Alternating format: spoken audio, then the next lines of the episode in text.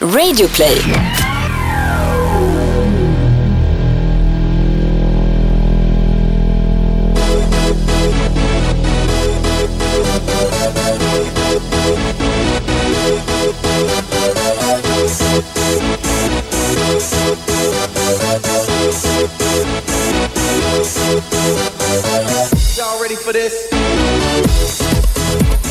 Hallå där ute i stugorna, Toto Balutto Karling, jag heter Gusten Dahlin, mitt emot mig sitter Thomas Wilbacher. Toto Balutto är podcasten som bara trummar på. Vi är inne i en jävla skön takt här nu Thomas. Ja, det har väl varit sedan vi började. Framförallt så är det skönt på grund av eh, var vi befinner oss i säsongen, i och med att det är en fotbollspodcast och vi är på väg att eh, få ett avslut på den här europeiska fotbollssäsongen i alla fall. Med Champions League som eh, ska gå in i semifinaler idag, tisdag. Det är eh, Madrid-derby och sen ligaavslutningarna är ju, är ju spännande på sina håll. Inte alltid om eh, titeln men, men det finns ju andra saker som är intressanta. Hör du, eh, ska vi eh, lyfta luren och eh, ringa Danne? Det var ett tag sedan vi pratade med vår älskade Ja, man blir lite orolig. Det utrikeskorrespondent. har snackats om knän och som inte mår bra och Janni vet vi inte var han befinner sig. Låt oss höra. Tjena Danne, Janne här. Har du Sams nummer?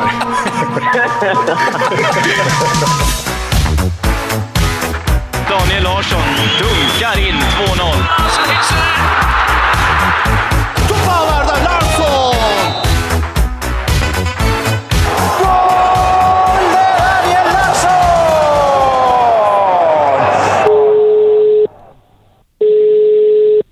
Hallå? Merda. Det... Hallå? Tjena. Man kan säga likt. Du drog på nitlotte. Visst vet du. Tjena Danne, Tjena. Hur är läget? Eh, jo då. Det är fint. Ska du ta en morgonkaffe i poolen? Ja, jag tyckte jag hörde lite fåglar kvittra och sådär. Mm. Är det sommar i Turkiet Ja, det nu? För att nu är ju våren i Sverige. Eh, ja, för mig är det sommar i alla fall. Vad, väl en eh, 27-28. vad jobbar du för solskyddsfaktor? Nej, jag jobbar inte det. Jag är svart på insidan, ja. Ja det brukar räcka. Det brukar räcka. Du, eh, vi skulle ju höra så här för någon vecka sedan men så ringde vi om varandra och sen så blev det inte av. Eh, jag tar på mig Ja. den. Men du sa att du Ja, hade det lite det. jobbigt. Var det privat eller är det någonting vi kan prata om här? Eh, nej, det är både och. För jag fick eh, ont igen i...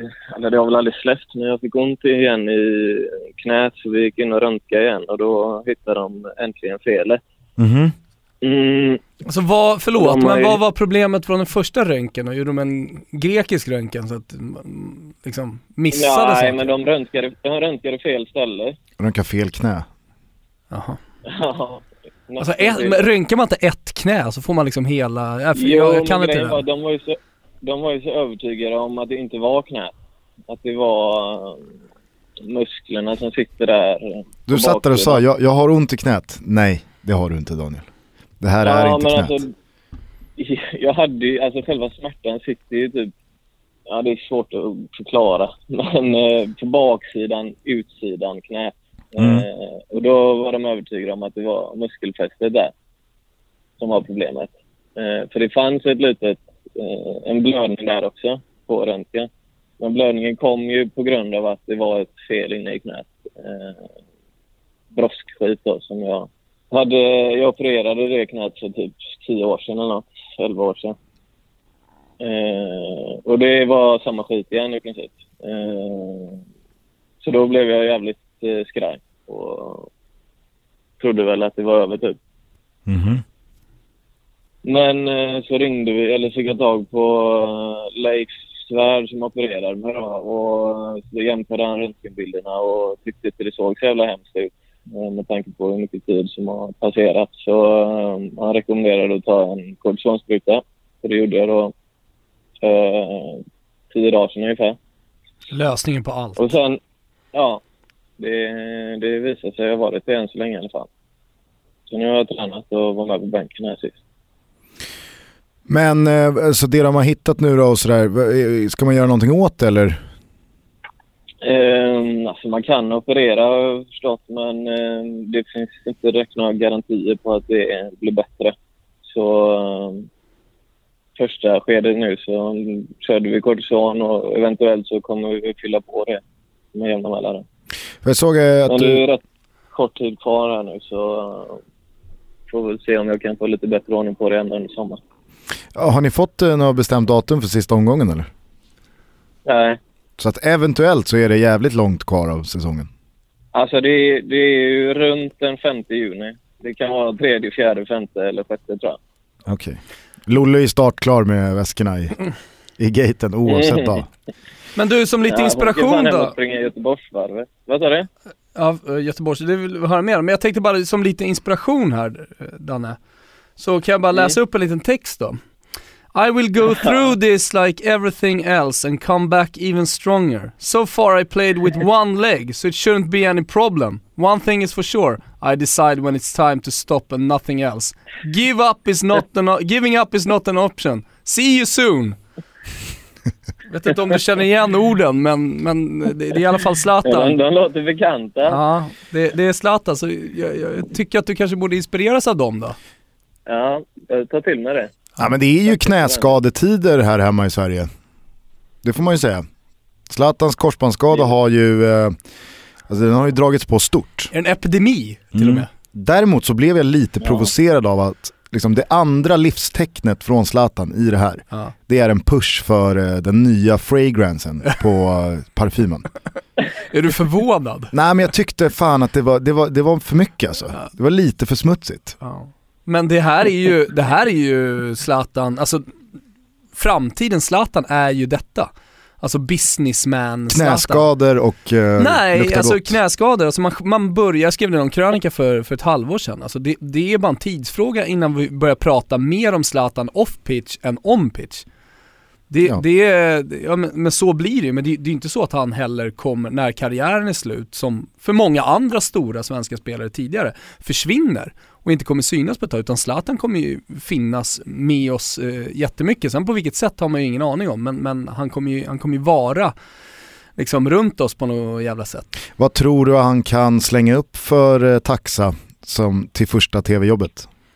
Alltså, han, för, för, ja, han, han, är ju, han är ju för stor för att göra svensk TV. Vad är det största man kan vara med i? Så att säga, vilka kan betala mest pengar? Ja men det är ju någon sån här supersats. Ja, Let's Dance typ till exempel. Alltså, de, skulle ju, de är nog beredda, säg att Jesper Blomqvist får en kvarts miljon, jag har ingen aning. Men jag, fick inte Birro en kvarts miljon? Ah, det vet jag fan. Han är dessutom, eh, Jesper Blomqvist alltså. Han, Vad, han, vad ska Zlatan ha då? Ja men det är det, det, är det jag undrar. Alltså, om Jesper Blomqvist klev ju in som ett wildcard efter att ju, eh, Torsten Flink inte hade klarat läkarundersökningen. Skräll. Nej, eh, exakt. Så han, han, de slängde väl upp liksom max 300 000 på bordet. Säg att han fick 300 000. Vad, vad, vad skulle Zlatan få? 300 lax till Jesper Blomqvist. Ja, ja. Birro sa ju att han fick en kvarts miljon. Men Birro är ju Birro. Ja, fast Jesper Blomqvist är ju Jesper Blomqvist också. Alltså det är ingen... Men alltså dessutom sista minuten, jag tror det kan vara mer alltså.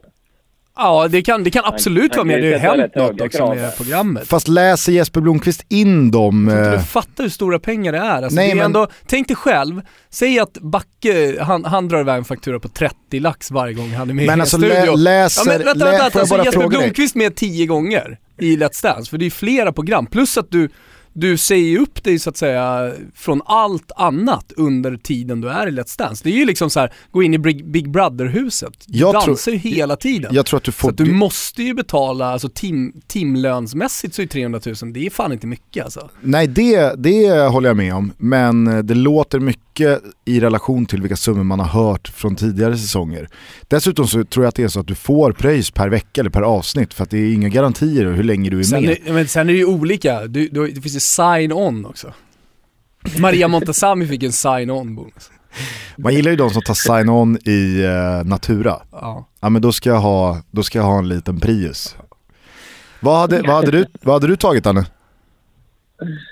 Ja, det finns fan inga pengar som kan få mig till det.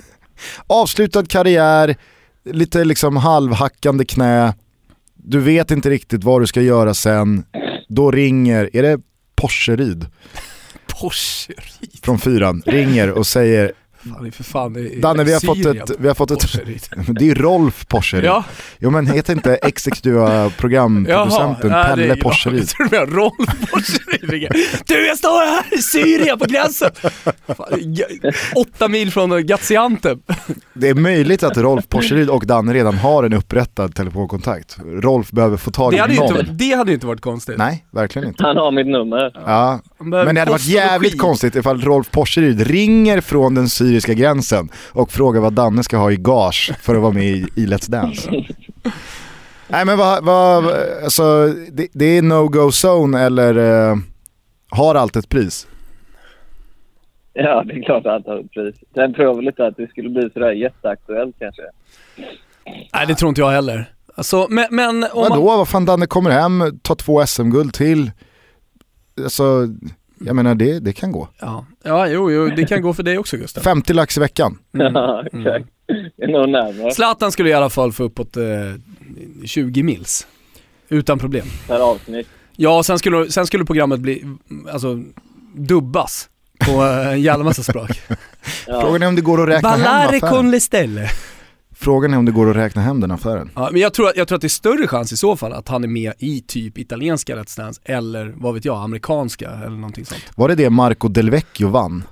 Eh, Marco Del Vecchio och Bobo Vieri var väl med samma vända. Ja. Och sen så åkte de på turné, Let's Dance-turné till Brasilien, bara på liksom hur stora de var. Ja, Jag vill minnas att Del Vecchio vann. I alla fall. Ja, han hade ju riktigt dansrumpa. Men, eh, Nej men eh, det jag skulle säga är att eh, det, det, det, som, det som faktiskt är, jag, jag, jag lever ju själv liksom i en kvällstidningsvärld och är delaktig i att skriva liksom om allt som händer och vara med i den här hypen kring, kring Zlatan oavsett om det inte händer någonting. Men, men det är ju faktiskt, nu, nu börjar det nästan eh, stiga mig lite åt huvudet det här Benjamin Button och nej, nej, jag, lejon och skit. nej, nej, nej, Nej. Inte, inte så jävla mycket det. Nej, snarare liksom spekulationerna om hans framtid. Alltså, Zlatan, han har skadat sig för två veckor sedan. Sen har han, ja, dels eh, på något sätt då bearbetat den här skadan och jobbat med, shit, hur ska vi ta oss an det här? Vart ska vi operera oss? Vad är bäst? Du vet, det, det, det var ju säkert ett heltidsjobb där i, i nor- några dagar. Sen flyger han då till Pittsburgh och är med om en, en, eh, ja, en svår operation. Han ligger nedsövd och, och ja, du vet, det, det, det är en kritisk eh, stund i, i hans liv liksom, i, i hans karriär. Eh, och, och under den tiden, under den här tiden, så har då amerikanska medier, engelska medier kommit med uppgifter om att så här kommer hans framtid se ut. Ah, det har kört ihop sig lite här nu med Manchester United. Amerikanska tidningar säger ah, nu blir det LA Galaxy. Det är ju rena spekulationer som sen svensk media använder sig av som, alltså, som, som källor eh, och sätter citatrubriker. Ja, nej men alltså så här, för folk så blir det ju, folk får ju läsa vad det är, men när jag ser rubriker som är direkta citat från de här spekulationerna och där då folk säger sig veta hur det ligger till, det är helt omöjligt att de vet det. Men där, där- där man då rewritar på det sättet och sätter rubriker att Zlatan kan komma att lämna Manchester United, nu är det så här, och den nya planen, Zlatans nya plan, LA Galaxy. Det är fan smutsigt alltså. ja det är smutsigt och det är tröttsamt. Men det är smutsigt på en ny nivå Gustav. Ja, ja, ja. Alltså, jag, jag tycker, jag, jag förstår att det finns ett stort intresse för Zlatan och jag, jag bidrar, bidrar gärna till hypen kring Zlatan för han är en fantastisk spelare och vi ska fan liksom krama ur allt vi kan få av Zlatan. Men, när det blir på den här nivån som har varit på slutet, då, då blir jag lite äcklad. Samtidigt så kan jag ändå förstå att det är en väldigt speciell situation i och med att han är då klubblös, han är också snart 36 år, det här är hans första ordentliga skada. Det blir ju en situation som inte ska likställas med när en 26-åring med tre år kvar på kontraktet i sin klubb råkar ut för en liknande skada. Jag menar då, då är ju vägen framåt ganska så utstakad redan. Ja, nu är det rehab i 9, 10, 11 månader och Jo, sen så så ska det du ta dig tillbaka i den klubb du är i. Nu är ju Zlatan i ett läge som verkligen bjuder in till jättemånga funderingar och jättemånga frågetecken. Jo, det är men inte som sagt, spekulationer så. kring hans framtid det kan inte bli också själv, fakta. Eller? Är han inte det? Ja det tycker jag verkligen eh, han gör, både den här gången och de eh, senaste två, tre fönstren. Eh, vad är din känsla Danne?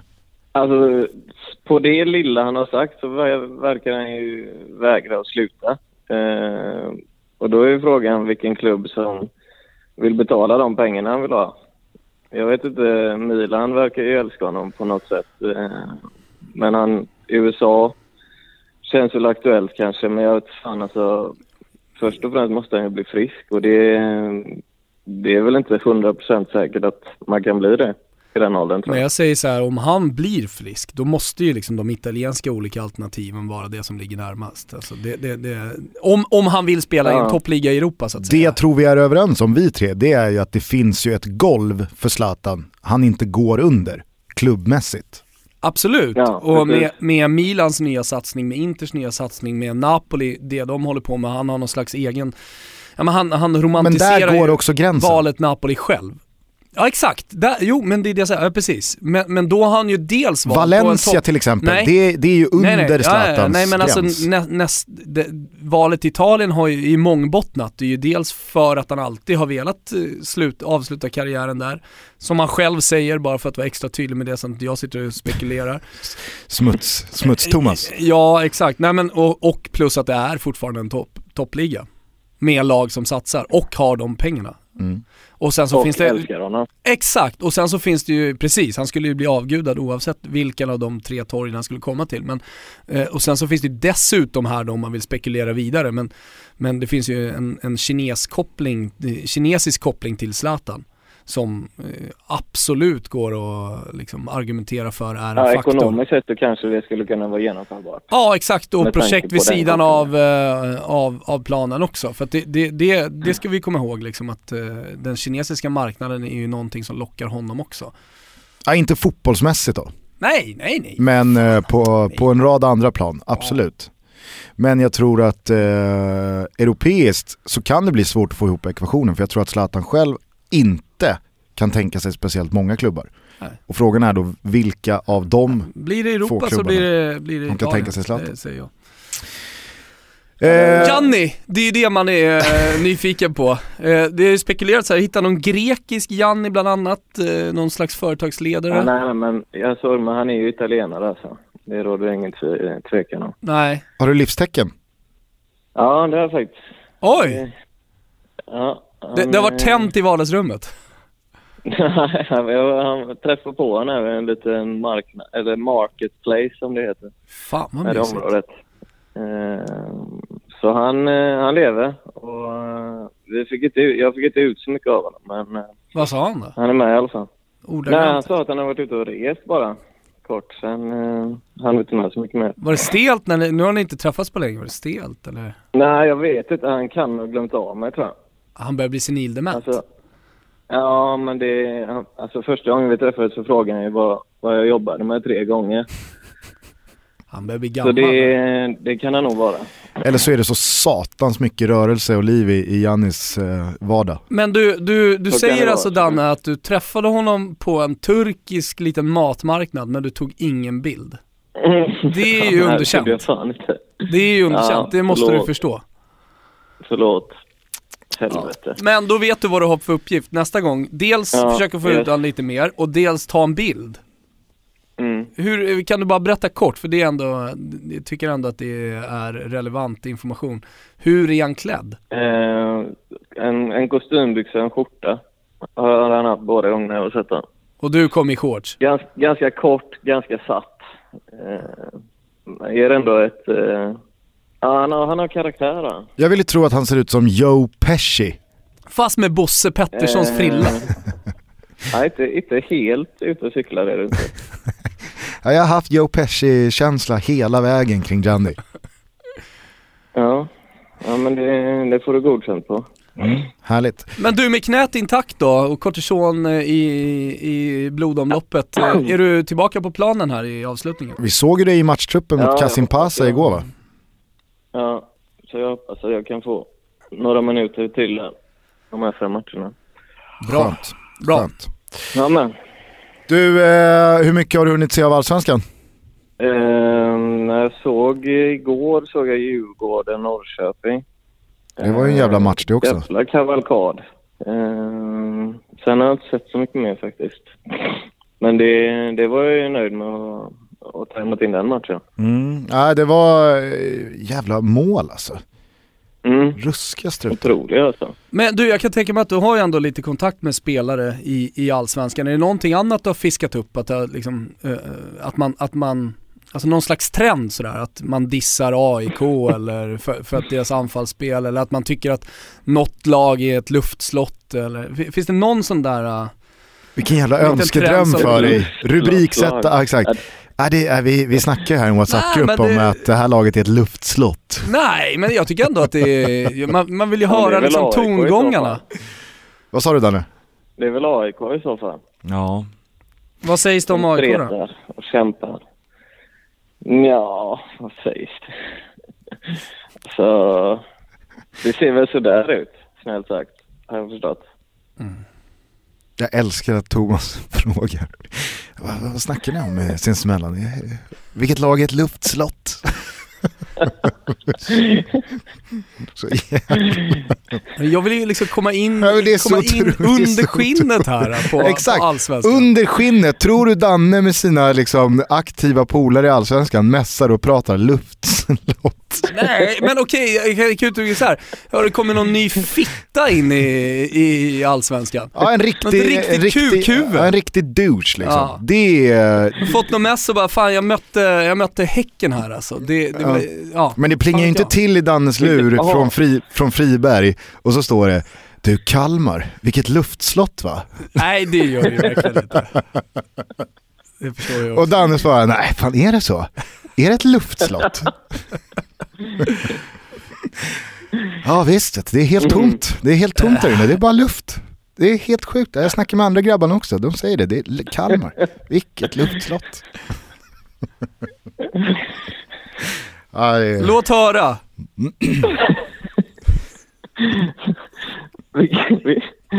Eh, luftslottet. Sam, Nej, Sam, kukhuvudet nu har Sam gått mässar. över till, från luftslottet till Sam kukhuvudet. Från Holland.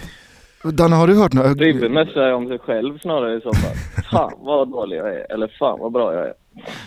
Ja. Han lägger inte så mycket eh, vikt vid andra. Nej de har ju, det är ju fan derby, Di Larsson höll jag på att säga. Göteborgsderby då. Ja. Ja, Mm. vilka håller du på? Men vad tror du? Jag är ju geting i hjärtat. Såklart. Sam då, vad håller han på? Sam, eh, han håller på Heerenveen. Ja, snart kanske det kommer ett sms från Sam till Danne. Där det bara står liksom, fan, nej Megan. Vad sa du? Vilket luftslott. Vilket luftslott alltså. Jordan ser sådär ut. Ja, det är helt otroligt vilket luftslott. Man tror att de har fått ordning på grejerna. Och att eh, siffrorna i boken ska vara bra, men nej, jag, jag hör att det är ett luftslott där. Aj, aj, aj. Ja, du, eh, Kan inte komma ner någonting eller? jo, det börjar fan bli dags. Det börjar faktiskt bli dags. Jo men vi säger det hela tiden men vi åker ju aldrig. Du spelar ju Nej, golf hela tiden. men nu är det ju, De har eh, golfbana här också. Du ser. kan jag tänka mig. Spelar du golf Danne?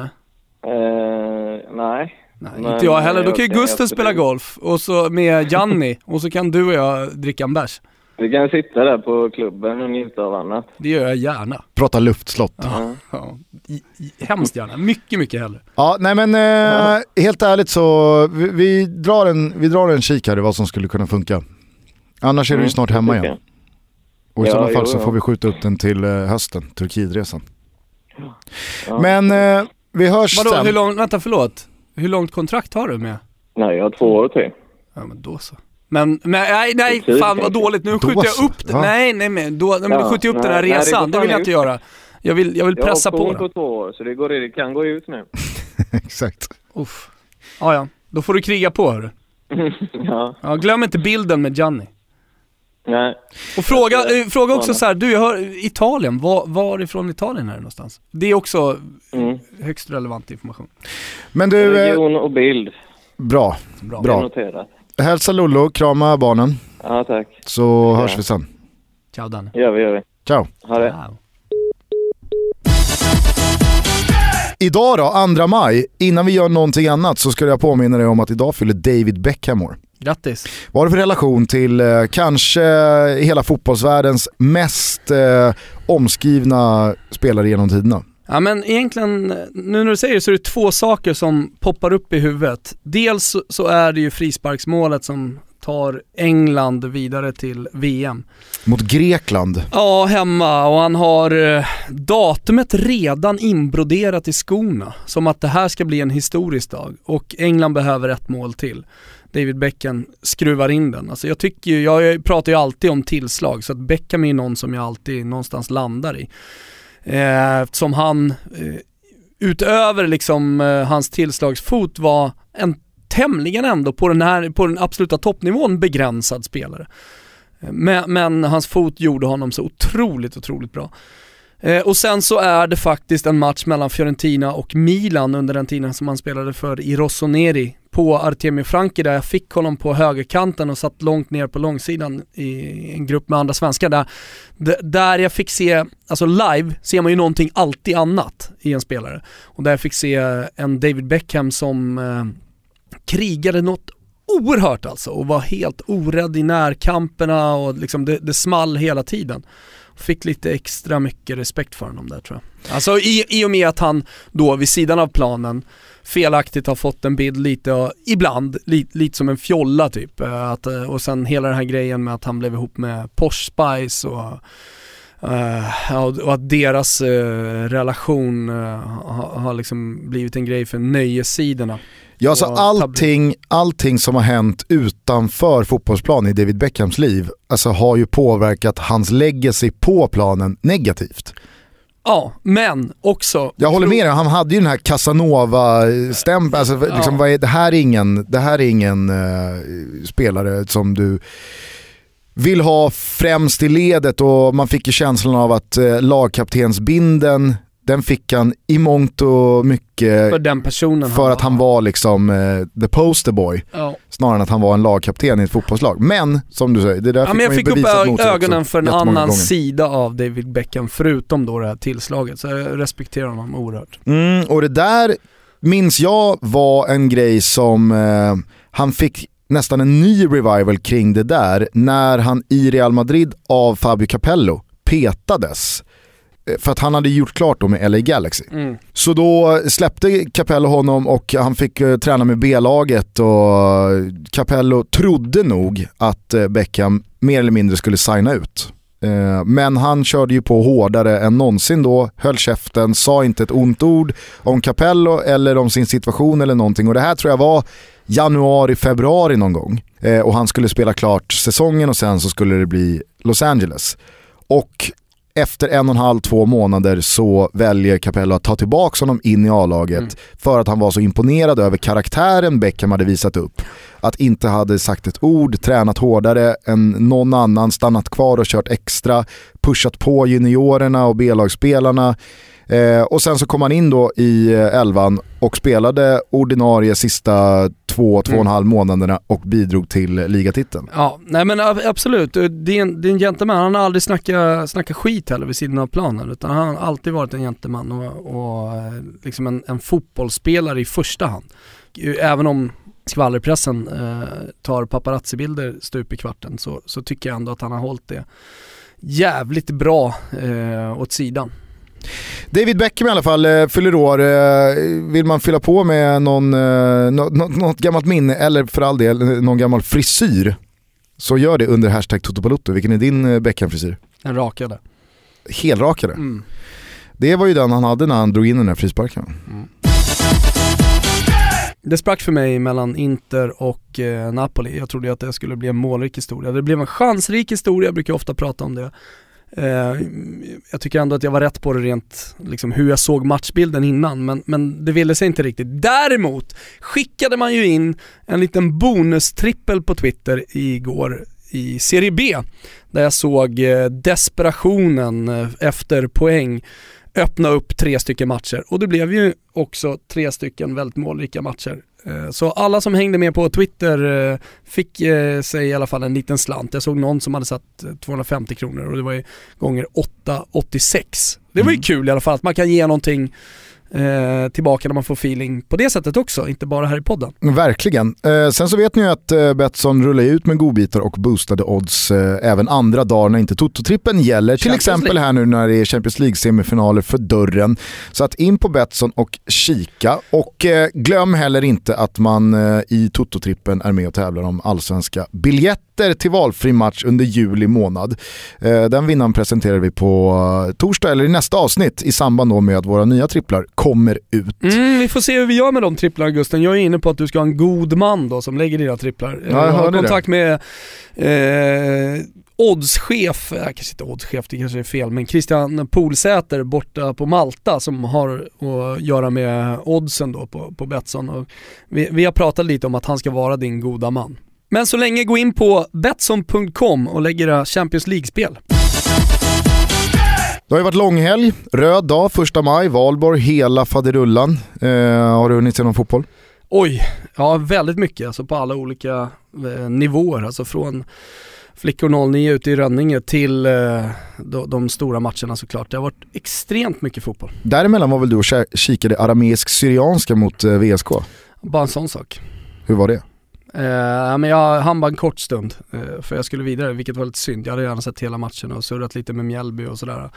Eh, men eh, det var andra saker som kom emellan. Men, men eh, det, det, det är ju alltid kul, alltså, det, var, den matchen spelades ju på Brunna IP och jag har ju gjort hundratals matcher på Brunna IP, dels sju manna och dels elva manna när man har mött alla de här Botkyrka-gängen. Eh, så det var ju häftigt att, att se den uppslutningen liksom, att det spelades toppfotboll, eller i alla fall eh, elitfotboll som det ändå är i division 1 eh, på, på Brunna. Nostalgiskt. Eh, utöver den här matchen så har det spelats en hel En del annat. kebbe på Konjali vet du Gusten och sen ner till, till Brunna IP. Det är ganska stor fotbollsunderhållning tycker jag. Ja, det förstår jag. Eh, utöver den här matchen så har det spelats en hel del. Eh, det har varit lite bråttom i morse så här kommer ett komprimerat svep. Mm. Bayern München tog efter 6-0 mot Wolfsburg sin femte raka ligatitel och Carlo Ancelotti kan trots uttåget ur Champions redan i kvarten och förlorad cupsemifinal mot Dortmund lyfta ännu en trofé. Robert Lewandowski har med sina hittills 28 gjorda mål varit den enskilt mest avgörande spelaren och trots förra avsnittets dystopiska Bayern-snack talar inte speciellt mycket för att vi inte står här om ett år igen. Keita Balde blev stor derbyhjälte i Rom, Luis Suarez detsamma i Barcelona och Dele Alli klev tillsammans med Harry Kane fram i norra London och slog fast att Tottenham för första gången på 22 år kommer att sluta högre upp i tabellen än Arsenal. Avståndet till Chelsea krympte man dock inte eftersom de segrade borta mot Everton och i kampen om tredjeplatsen tappade de båda Manchesterlagen överraskande poäng samtidigt som Emre Can cyklade hem tre poäng till Liverpool. I Frankrike retade Nice och Balotelli gallfeber på PSG som föll stenhårt och Monaco har nu ligatiteln i en liten ask. Och i världens jämnaste serie, Allsvenskan, skiljer det blott fem poäng mellan Kalmar som är näst jumbo och succé Sirius på andra plats. Ni hör själva, alla lag förutom Malmö FF och AFC Eskilstuna har blandat och gett. Men från helgens omgång tar vi självklart med oss målexplosionen på Tele2 mellan Djurgården och Peking, Melker Hallbergs monsterskott, AIKs ineffektivitet och Björn Paulsens individuella laginsats. Ja, exakt. Det är de stora rubrikerna här du tar upp Gusten och eh, en, inte, inte speciellt konstigt heller för att det, det är ju de här grejerna man har pratat om under helgen. Det är top of the mind fortfarande. Eh, jag tänker till exempel på Paulsen, alltså vi börjar med allsvenskan. Eh, han har ju blivit lite hånad i inledningen och man har inte riktigt förstått vad han har på planen att göra. Till och med Bajarna, alltså urbajarna har ju varit väldigt kritiska. Han har sprungit runt och, och varit lite överallt men, men ingen så här tydlig roll. Vi brukar prata om rollspelare. Men börjar det inte utkristalliseras lite Paulsens roll i Hammarby här nu? Eh, Du hade en tweet som jag tycker var väldigt talande. Han har varit eh, inblandad i ett 80-tal eh, nickdueller. Och så kollar man på tvåan då, vem som hade varit inblandad i flest nickdueller, så låg han på 35 Mm. eller någonting sånt där. Alltså det, det, det är ju 80 nickdueller på fem matcher säger mig ingenting. Det kanske är mycket, det kanske är lite, men det blir ju när man börjar jämföra relevant ändå. Eh, och, och det säger väl någonting om Paulsen. Och vi ska också komma ihåg så här. det må vara en begränsad fotbollsspelare rent tekniskt, tekniskt kvalitetsmässigt sådär, men det är allsvenskan vi pratar om. Alltså man har kommit jävligt långt på inställning tidigare, vi har sett många spelare göra det eh, och så finns det bara en tillstämmelse i grundkvalitet så, eh, så, så kan det räcka med just den här extrema eh, motivationen, alltså engagemanget i matchen som, eh, som Paulsen har. Framförallt så innebär ju sådana spelare många gånger på allsvensk nivå att du får med dig resten av laget. Ja men exakt. Du signalerar till både medspelare, till publik att vi tror på det här. Ja, men det är den här klassiska, alltså när, när ledaren på planen, hård, hårda spelaren, går in och vinner en närkamp i början av matchen. Det, det brukar ju tränare på alla nivåer, det har ju du och jag hört, det har våra lyssnare hört också. Gå in och smäll på här nu och då är det, då är det alltid i varje lag, om det är Roy Keane i Manchester United eller om det är Paulsen i Bayern eller Gusten Dahlin i Bele, så, så är det alltid samma spelare som går in och visar vägen. Och, och det är konstigt hur en sån, liksom, att en sån spelartyp verkligen får med sig laget. Mm. Alltså att det är en signal liksom till, till alla övriga. Det är också fascinerande att man utbildar tränare i 5, 6, 7, 8 år och det är pro-kurser hit och det är Uefa-licenser och sen dit. i slutändan så är det en jävla i slutändan handlar det om att gå ut och vinna första ja, närkampen. Du vinner en nickduell liksom mm. och, så, och så lyfts hela laget av det. Det, ja, nej, men, eh, vi är enkla varelser vi människor. Björn Paulsens eh, statistik med eh, nickdueller som han har varit inblandad i är faktiskt anmärkningsvärda. Eh, I synnerhet i den positionen han spelar.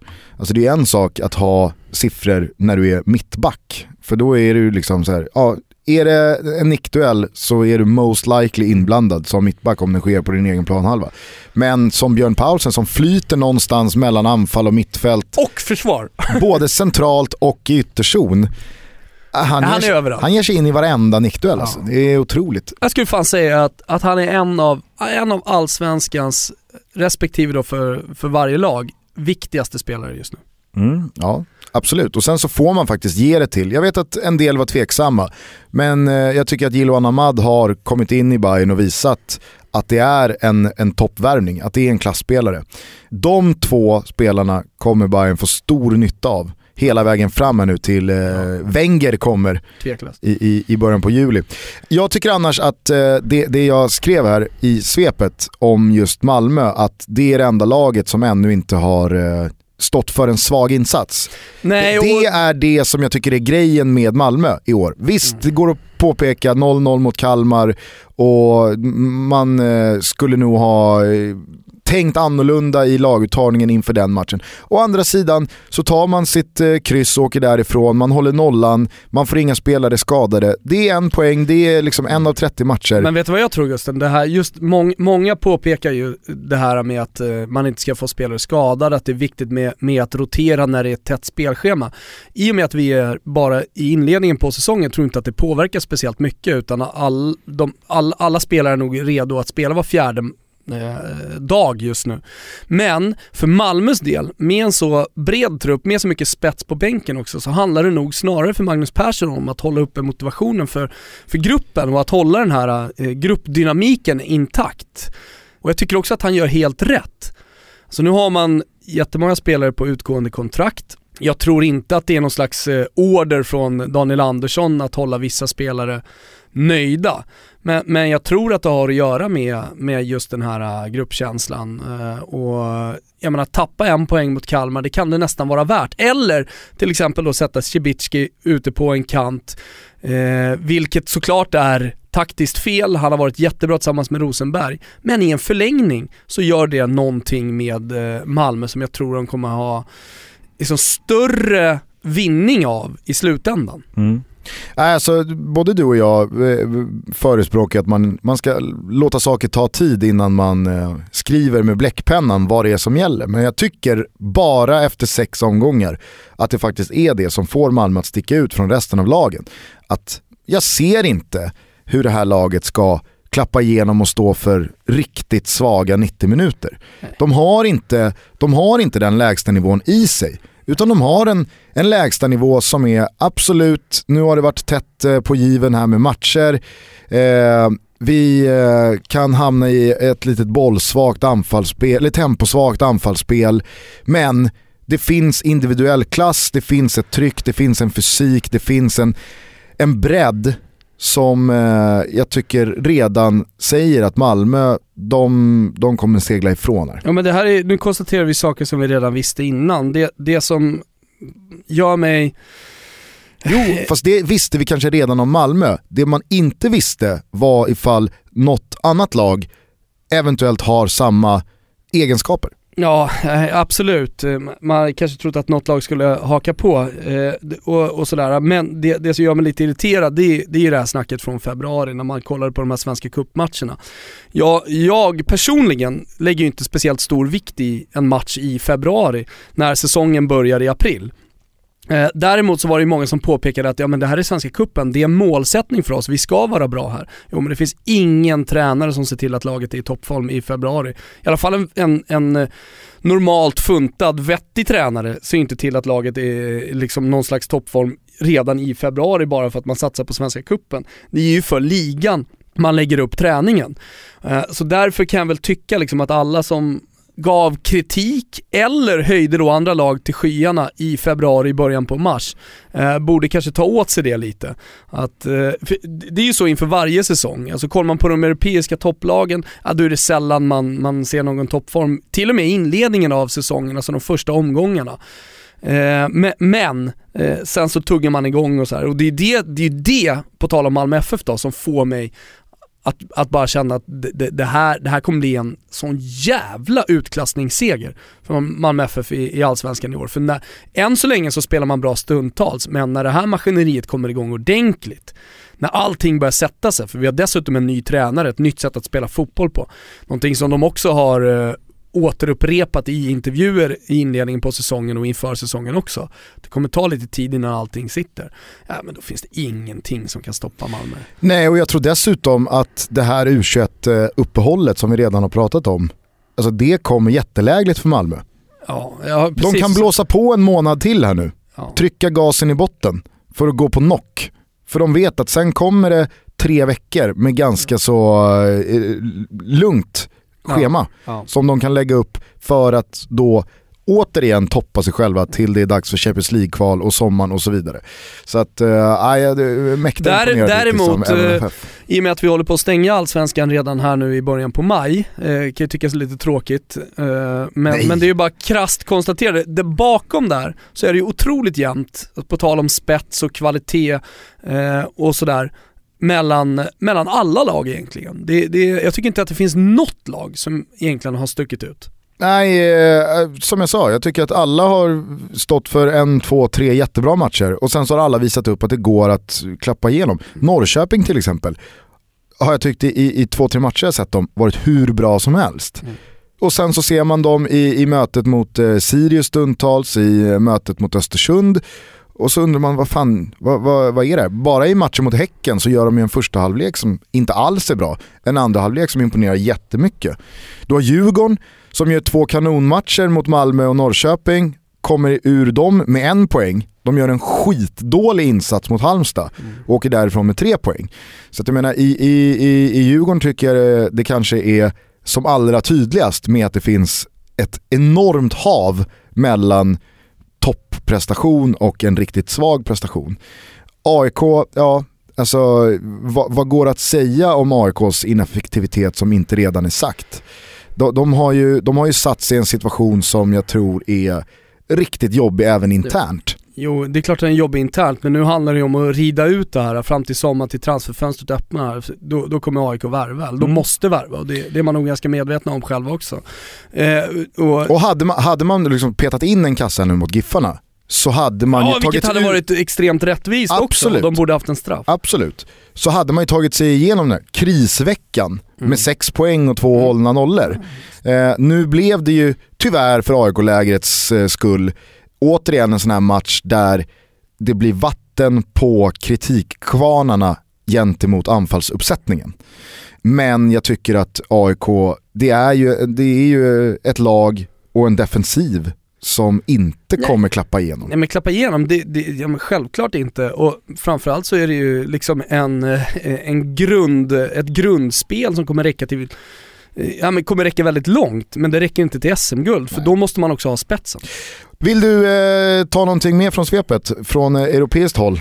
Ja, men jag skulle vilja ta upp en grej som du inte har med i svepet däremot. Eh, och det är ju Soleil Montari, du vet han spelar ju fotboll fort, fortfarande. Mm. Men om vi pratade om det för några veckor sedan, men, men han är ju numera i Pescara. Alltså Montari som var i Milan, eh, som var en riktig benknäckare. Eh, kom ihåg hans mål mot Juventus eh, som blev titelavgörande, som fortfarande vevas när man pratar om Juventus som tjuvar som var en halv meter inne. Hade ju inte hänt med eh, Goalcam, Gusten.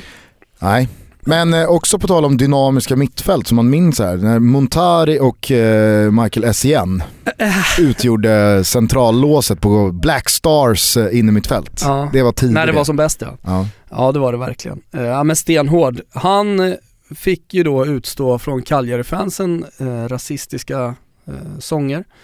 Och eh, under matchen då så såg han att eh, det var en familj som satt långt ner mot planen och det var en liten kille som faktiskt sjöng med i de här eh, rasistiska sångerna. Så han går helt enkelt fram till den här killen och ger honom sin tröja och säger till honom att du ska inte hålla på med det här men som liksom i en slags kärleksgest då så ger han ändå hans tröja. Liksom försöka omvandla honom, med, eller omvända honom med kärlek. Mm. Eh, det här slutar ju eh, med att han får kort, jag tror att han ska bli avstängd när han går av planen och sådär.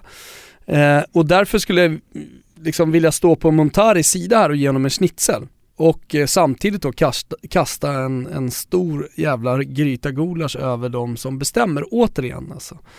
Etablissemanget här inom, inom, i det här fallet den italienska fotbollen som stänger av Montari som, som väljer att inte spela då och väljer att liksom göra den här gesten. Uh, domaren får ju vara med i, i etablissemanget här, alltså i, bland myndigheterna om man får säga så inom fotbollen. Som faktiskt uh, i diskussion med Muntari säger till honom att uh, det, du, du ska inte bry dig om de här sångerna. Låt mig prata med, liksom, låt mig sköta det här.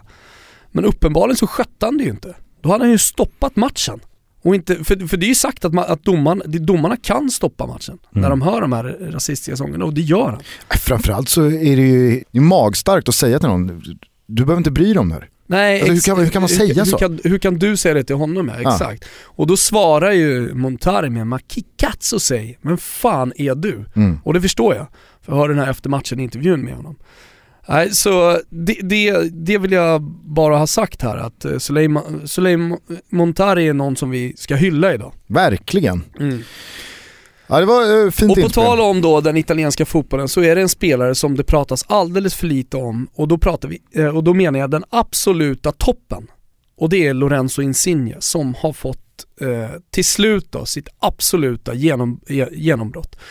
I och med den förra säsongen och inte minst den här säsongen under eh, eh, Mauricio Sarri, tränaren. Han passar perfekt in, men det är ju någonting speciellt med de här lirarna som ska stå för det kreativa. Alltså det räcker inte med att du gör en 5-6 eh, mål och en 6-7 assist när du spelar i ett topplag. Utan eh, det krävs tvåsiffrigt på både assisthåll och eh, på, på målhåll. Ja, men det var lite tycker- som vi pratade om med Albin i, i, eh, i förra avsnittet. Ja, och för, för hans del kanske räcker det med 6-7 mål, Mm. men, men för Ja, men alla Insigne nivåer- så måste det lossna. Och jag hade, jag Alla säga, nivåer har sina Exakt. hårda siffror Ja. som hela tiden kommer utgöra i slutändan ditt betyg. Och jag hade en oerhört het diskussion med Martin Åslund för ett gäng antal år sedan när vi båda jobbade på TV4. Jag var nere visserligen för Expressen eh, inför eh, Fiorentina-Napoli cupfinalen och vi satt på ett torg och det slutade med att ja, men vi nästan skrek åt varandra. Martin Åslund då stod i Insigne-lägret och hyllade hans eh, talang och jag, jag sa väl mer eller mindre att jag ser talang, jag tycker att han, han har en extrem potential men han gör för lite poäng. Han måste göra poäng för annars kommer det här gå åt helvete. Och det här var då under en, eller efter en säsong ska ju sägas i och med att det var cupfinalen i slutet. Eh, där Lore- Lorenzo Insigne kanske hade gjort 4-5 mål. Eh, man hade sett tendenser men det släppte inte, det ville sig inte. Och hade dessutom då lämnat planen gråtandes vid, vid något tillfälle och han, han visade lite svag ja, mentalitet sådär. Han klarade inte riktigt av att vara Napoli-sonen då som skulle ta laget på sina axlar. Eh, och det ställde jag mig frågan till. Eh, om, om han liksom skulle då kunna blomma ut och bli den här spelaren som vi ser nu i, i, i Neapel. Ja, men precis som det pratades länge om att Daniele De Rossi gjorde sina två sämsta matcher för säsongen i derbyna för att han, liksom, han klarade inte Han av han klarade inte av trycket som hemmason och, och fansens favorit att leverera i matcherna när det gällde som mest. Fick ju Insigne Mm. lite samma stämpel. Pr- Problemet är att man har ju sett det för många gånger för att man ska vara helt, eller för att jag skulle vara helt övertygad om att Insigne skulle bli Eh, eh, den här, eh, ja, men inte Maradona men, men nästintill då, näste nästa Maradona som, som folket verkligen avgudar. Nu är det kontraktsförlängning, han, jag tror han har gjort 14 mål, 11 ass i, i ligan bara. Eh, och jag tycker liksom på spelet, alltså som en nummer 10 typ, eh, slags Messi-variant, eh, i det här fallet utifrån vänsterkanten, är helt exceptionell alltså. Han hittar passningar som jag, som jag inte ser många göra i fotbollsvärlden. Så det är dags att börja prata om Lorenzo Insigne bland de absolut största då, offensiva mittfältarna, fantasisti som italien, italienare bru- brukar säga, precis bakom anfallet. Vet du vad han gör? Han är ju nästan med i en säsongselva alltså. Mm. Det var lite det jag skulle komma till, eller kanske vårens elva. För att ibland så är en säsong lite för lång för att eh, prata om eh, säsongens lag. Jag tycker i alla fall, jag har problem med att man ofta glömmer bort vad som skedde i augusti, Ah, ja. september, oktober, november. Eh, och att man kan göra jättefina höstar. Till exempel då så har ju folk den senaste tiden pratat om vilken dålig säsong Diego Costa gör Mm. när det egentligen bara handlar om hans två, tre senaste månader. Han var ju fantastiskt långa stunder under hösten och det ska man såklart minnas. Precis som att Lukaku och Harry Kane, de kanske hade tyngre höstar men fantastisk vinter och fantastisk vår och då tenderar ju det oftast att spilla över på hela säsongen. Och spelare som då har svalnat, ja, men de, de får inte samma cred som de förtjänar i slutet av säsongerna. En spelare som jag tycker att det har snackats väldigt mycket om, inte bara i Sverige utan globalt känns det som, och att han då pikade under eh, mötet med Bayern München, det är ju Marcello. Han eh, är ju på väg att få sitt slutgiltigt stora erkännande som en av världens absolut bästa eh, ja, men försvarsspelare. Och nu är det väl inte så jävla mycket försvarsspel som gör att han nämns som en av de bästa utan snarare hans eh, egenskaper i den andra riktningen. Men jag tycker att det är det var ingen slump att det är Marcello som kliver fram efter att Valencia då kvitterar i mötet med Real Madrid i helgen och avgör med bara fem minuter kvar och skjuter då Real ännu närmare den här ligatiteln. Eh, så att om man ska bolla upp Insigne från Italien som en av säsongens största utropstecken så tycker jag att eh, Toto Balotto också ska lyfta Marcelo, att vi inte bara liksom glömmer honom. Nej, och så ska vi inte glömma Sergio Ramos hela säsong och inte bara döma honom för de senaste eh, tre veckor. Nej, och hans mål har ju den här säsongen också, Ja, de har ju gjort så att Real Madrid är där de är. ja, men, de, men de har också blivit väldigt definierande av att ja, men nu är Sergio Ramos absolut där uppe som en av de största.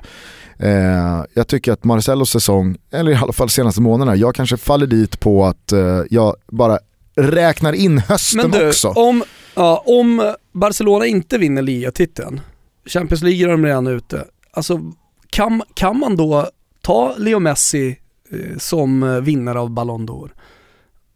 Det är alltid, man, man har ju alltid då valt spelare från antingen liksom en klubblagssäsong med ett lag som har vunnit titlar men Förutom eller- 2010, förutom 2010. när Wesley Sneijder vinner trippeln med Inter och eh, går till VM-final med Holland. Skulle, skulle Real Madrid eh, vinna dubben så att säga, skulle de, skulle de ta både ligan och, och Champions League och eh, Ronaldo på något sätt i de här avgörande matcherna också eh, se till att, att skjuta ligatiteln till Real.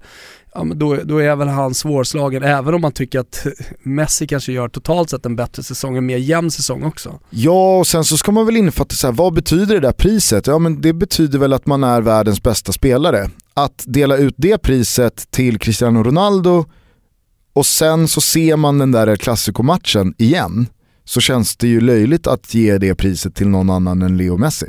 Ja, jag vet inte. Jag, jag, det är jag, ett sånt fall- oerhört knepigt pris att dela ut.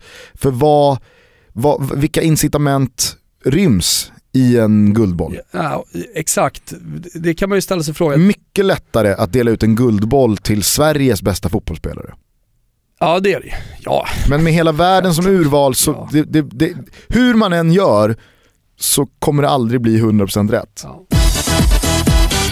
Nu har man ju kommit till eh, delen av året när man känner att det är sista chansen Gusten. Det är sista chansen att klara sommaren på stranden. Jag brukar ofta börja rent psykiskt liksom att tänka i februari sen. Om jag börjar nu så har jag en jävla skjuts in i våren när det blir lätt att träna, det blir lätt att gå ut och springa. Eh, men nu har jag missat februari, jag har missat mars. I februari så har man ju fortfarande outen att tänka, ja men det är bara februari. Eh, exakt. Skitsamma. Och, och sen kom april och april för mig blev en jävla skitmånad rent träningsmässigt. Ja, jag kan faktiskt ärligt erkänna att det blev inte ett enda jävla pass. Däremot så blev det en hel del bärs och en hel del mat. Så jag är återigen fetare än någonsin. Och eh, jag känner också att det får vara ett slut med den här jojo-bantningen. Vi hade ju knappkampen tillsammans med Grand Frank i eh, december. Jag gick ner 5, 6, 7 kilo. Och det skulle ju vara då en boost in och sen börja träna. Nej, det blev ju såklart inte så. Det Och, blir ju ofta så när man bantar på det sättet du gjorde, alltså att bara sluta äta. ja, nej det är värdelöst. Men jag, men, och alla sa ju det till mig och alla hävdade ju att jag skulle bli fet igen. Och så blev jag fet igen. Och nu står jag här i maj med sista och då är det ju så jävla härligt att höra att eh, Fitness 24-7 har klivit in som sponsor i podden och har ett litet upplägg för oss. Ja, vi slår våra mer eller mindre kloka huvuden ihop tillsammans då med Fitness 24-7 och sjösätter i och med dagens avsnitt Vasskampen. Det här handlar ju såklart om att eh, man ska kunna eh, flanera på stranden i sommar, ta av sig skjortan eller blusen eller vad det nu är och ändå känna sig ganska tillfreds med vad som döljer sig där under. Istället för att man som så många somrar tidigare får simma in i vassen och hänga där. köra tishan på stranden. Och det här handlar ju om att utgå ifrån sina egna förutsättningar. Det här handlar ju om ett litet äventyr som man nu har chansen att göra under de här sista månaderna innan man tar sitt första dopp. Att eh, komma i en, för sig själv i alla fall, bättre form och känna sig lite mer självsäker då. Ja, lite och finare. du pratar om sista chansen. Ska vi vara ärliga så har ju sista tåget gått för dig och mig utan hjälp. Alltså det har det ju gjort. Ja, du och jag klarar inte av det här själva. Nej. Därför så får vi hjälp här nu av Fitness 24-7 att tillsammans med en personlig tränare tre gånger i veckan i nu eh, sju veckors tid blåsa av bara fan. Ja. Och så ska vi försöka lösa en decent strandkropp så att vi slipper stå i vassen.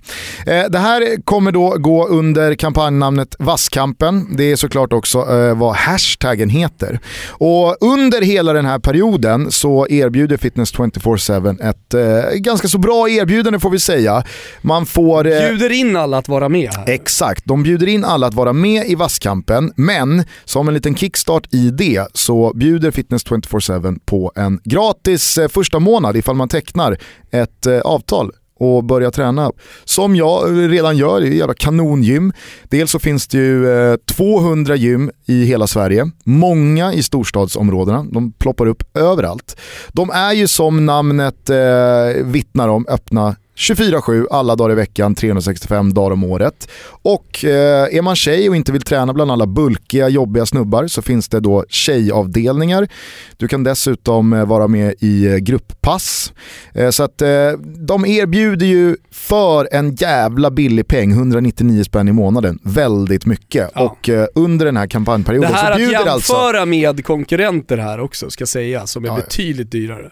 Och under kampanjperioden alltså så bjuder 24-7 på en gratis månad. Men är man med och tävlar, och det här gäller ju både redan befintliga medlemmar och de som ännu inte är medlemmar, att eh, Vasskampen, där slänger eh, Fitness 24-7 in ett års gratis träning och tre stycken gratis PT-pass i potten för den som under hashtag Vasskampen och eh, med Fitness 24-7 intaggad i sina bilder på Instagram står för den mest eh, inspirerande resan här tillsammans med oss under den här sju perioden. Ja, det är ett otroligt erbjudande. Det finns en fin grej i potten här, eh, så man kan få ett helt, helt års abonnemang. Men också gratis nu en månad. Det finns ju inga som helst anledningar till att inte träna då. Nej, verkligen inte. Och kom ihåg här nu, klockan tickar. Det är bråttom nu. Ja, så använd hashtag vasskampen, visa hur ni tränar och eh, så kan alla följa er, eh, er resa och eh, såklart vår resa också. För att man ska kunna göra det så är det också ett krav här va? att man måste ha ett öppet Instagramkonto. Annars så faller ju allting på att ingen kan se bilderna och då är det ju svårt att vara med och tävla. Använd Twitter också, det är kul. Ja, eh, dra med er polare också. Det kan vi starta en rörelse här. Det, det är verkligen, verkligen dags här nu. Eh, så att eh, puss och tack. kram till... Tack eh, till 24-7. Ja, framförallt tack till Fitness 24-7. Du och jag tar vårt möte med våran PT Malin idag och eh, våran resa den kan man följa eh, via vår Instagram, våra sociala medier och för guds skull också podden. Det kommer bli en resa där. Jag tror att Malin kommer ha ett helvete framför sig men att vi kommer ha väldigt roligt ihop. Du och jag tillsammans med en PT, ja, det blir en ny grej tillsammans. Ja men det blir roligt och det kanske, kanske gör någonting inför sommaren också att man kommer i lite bättre form. Jag hoppas verkligen det. Det händer ju inte speciellt ofta längre att du och jag upplever nya saker tillsammans, men det här kommer bli nytt. Det, det ska bli väldigt roligt att se henne köra med dig. Verkligen. En spaning i alla fall från Tyskland. Eh, det har inte pratats jättemycket om Alexander Isak på slutet. Eh, och det är kanske inte så konstigt med tanke på att han inte spelar någonting i Dortmund. Nu har han i alla fall börjat spela lite U19-matcher här på slutet och nu mötte man i helgen Oberhausen. Tränaren var lite sur för han fick höra när han såg, eller han såg laguppställningen och fick en smärre, ett smärre sammanbrott som han säger själv. Tycker inte att en klubb som Dortmund behöver använda en spelare som Alexander Isak i U19-laget. Sen eh, följer han upp det med att säga att ja, men det gick inte så bra. Han kunde inte ens ta sig förbi våra regionalligaspelare och inte heller eh, ta sig ifrån våra U19-spelare, vilket jag tycker är jättebra. Så uppe. Det är ju någonting med liksom Alexander Isak som är lite bortglömt när han har gått till Dortmund. Och det får mig att minnas då den här hypen kring honom under försäljningstiden, som ändå pågick under ett par månader och man spekulerade eh, vilt. Det var nära med Real Madrid, det blev Dortmund. Eh, och det var så jävla många kollegor och andra som hyllade valet Dortmund framför Real Madrid och de gjorde det med motiveringen att, ja men bra för där kommer han kunna få speltid. Alltså det, det, det är ett mycket mer rimligt steg för Alexander Isak att ta än till stora galaktiska Real Madrid. Och i den liksom motiveringen till att man tyckte att det var ett bra val så passade man på att skicka kängor då till att han skulle spela med Castilla, eh, man gjorde kopplingar till Martin Ödegård och så vidare. Ja men ska vi summera då Alexander Isaks vår? Nu kanske det blir något inhopp bara för det i, i slutet på säsongen och jag vet att han har suttit på bänken. Eh, men det hade han nog kanske gjort i Real Madrid också. Men, men så, så, så är det ändå en liten minigulasch till alla som, som trodde att det skulle bli enkelt för, eller betydligt enklare för Alexander Isak att gå till Dortmund. För det är en topp 10, topp 15-klubb i Europa rent sportsligt de senaste åren. Det är klart som fan inte en spelare från Allsvenskan som är 18 bast går direkt in och, och eh, liksom tar plats i, i A-laget och börjar, börjar sitta på bänken och hoppa in. Det finns liksom inte. Du skopar ut dem idag. Jag kanske gör det. Men, mattant. jo, men där, där och då satt man ju och hade de här diskussionerna med folk och fick så jävla mycket skit, men jag, man kunde inte säga mer än att ja, men jag tror att det kommer, jag tror att det kommer bli tufft för honom även i Dortmund. Jag tror inte att det spelar så jävla stor roll om det är Real Madrid eller om det är Dortmund. Fast har det gått tillräckligt lång tid då? Nej, men det har i alla Jag fall tror- gått ett jävla halvår. Nej det har det ju inte. I och med att eh, han gick till Dortmund i slutet på januari. Säsongsmässigt så har det ju gått en, en vår. Ja, och jag, och jag tror, alltså jag ser på Alexander Isaks eh, intåg i Borussia Dortmund som att den här halvan, alltså januari till säsongslut nu, det är någon se och lära-period. Hans ordentliga tid i Dortmunds A-lag börjar ju i sommar med en försäsong med en hel grund att stå på. Det är ju från augusti som Isaks tidevarv i, i, i Dortmund ska börja räknas ordentligt, tycker jag. Alltså, vi pratar fortfarande om en kille som är 17 år. Ja, Men, men, eh, men, vad, jag, men jag håller med dig om att det fanns, alltså svängningen när Real Madrid blev Dortmund var från helvete till himmel. Ja, nu pratar vi, eh, nu pratar vi ordinarie direkt. Ja, nej men det kanske det, Där var väl de mest extrema, mest okunniga kanske som gjorde det. Men, men jag säger så här Augusten, vi kan väl ta en ny sittning kring Alexander Isak i september. Eh, för jag tror inte han spelar i Dortmund och jag tror att han är utlånad. Om han spelar i Dortmund så tror jag att han, alltså att klubbledningen har gjort ett felaktigt beslut. För att eh, han, han kommer inte ersätta någon Aubameyang. Eh, jag, jag tror inte ens att han kommer vara en, en spelare som är tillräckligt bra för Dortmunds ambitioner och målsättningar att sitta på bänken. Ja, nej, vi, absolut, det kan vi göra. Vi får väl se. Det känns... Eh, Men det, det, här, det, här, det här är bara liksom en, en slags eh, ja, men delsummering då. mm. Av, ja, av tycker jag- Alexander, Ale- Alexander Isaks val att gå till Dortmund och de diskussionerna som rådde då. Mm. Så kan vi väl ta en ny sittning som sagt i september. Och jag tror som sagt inte att han spelar kvar i, i Dortmund. Eh, och bara för att vara tydlig då så, så, så tror jag inte att han kommer göra något avtryck i, Borussia Dortmund säsongen 17-18. Nej, okej. Ja, nej men det är absolut. Vi säger så.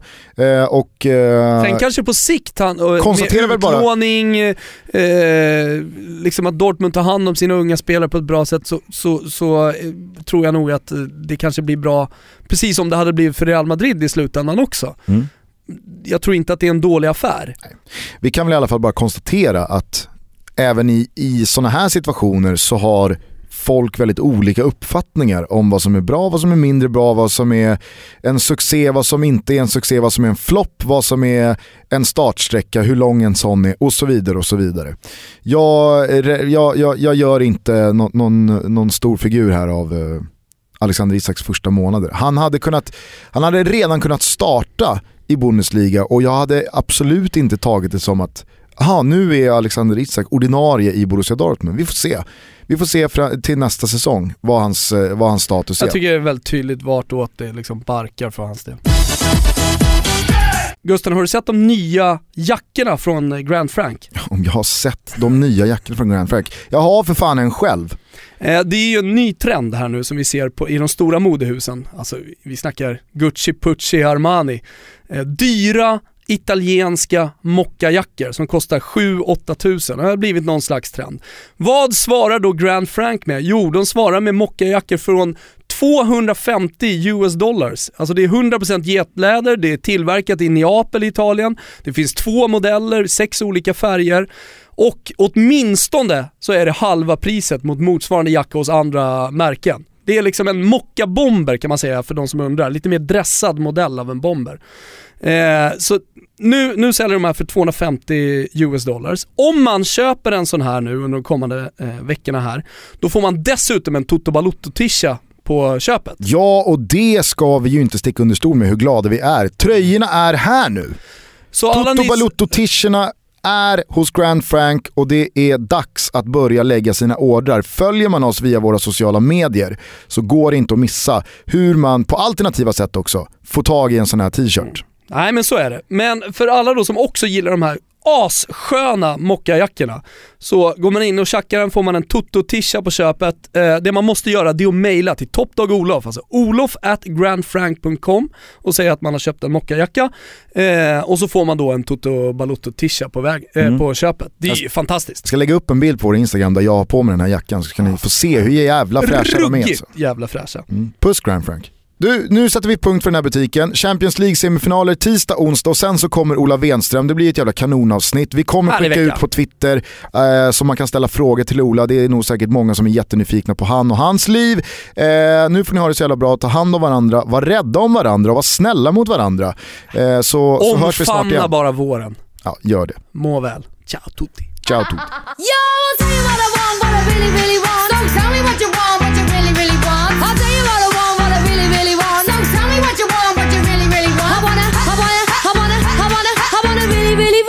Really wanna zig a zig ah. If you want my future, forget my past.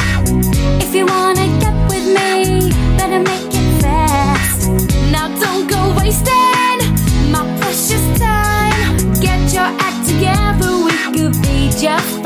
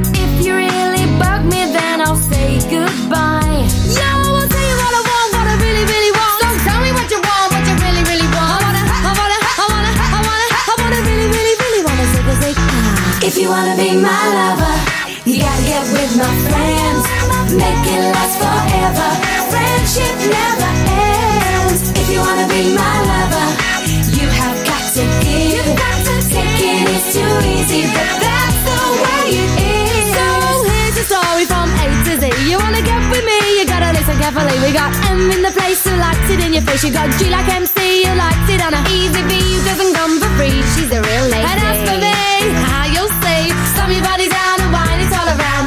Slam your body down and wine it all around. If you wanna be my lover, you gotta get with my friends. Make it last forever. Friendship never ends. If you wanna be my lover, you have got to give. Taking is too easy, but that's wanna be my lover, you gotta, you gotta, you gotta, you gotta, you gotta make it last forever. Slam your body down and wine all around. Slam your body down and wine all around. Slam your body down and wine all around. Slam your body down and zig a zig ah.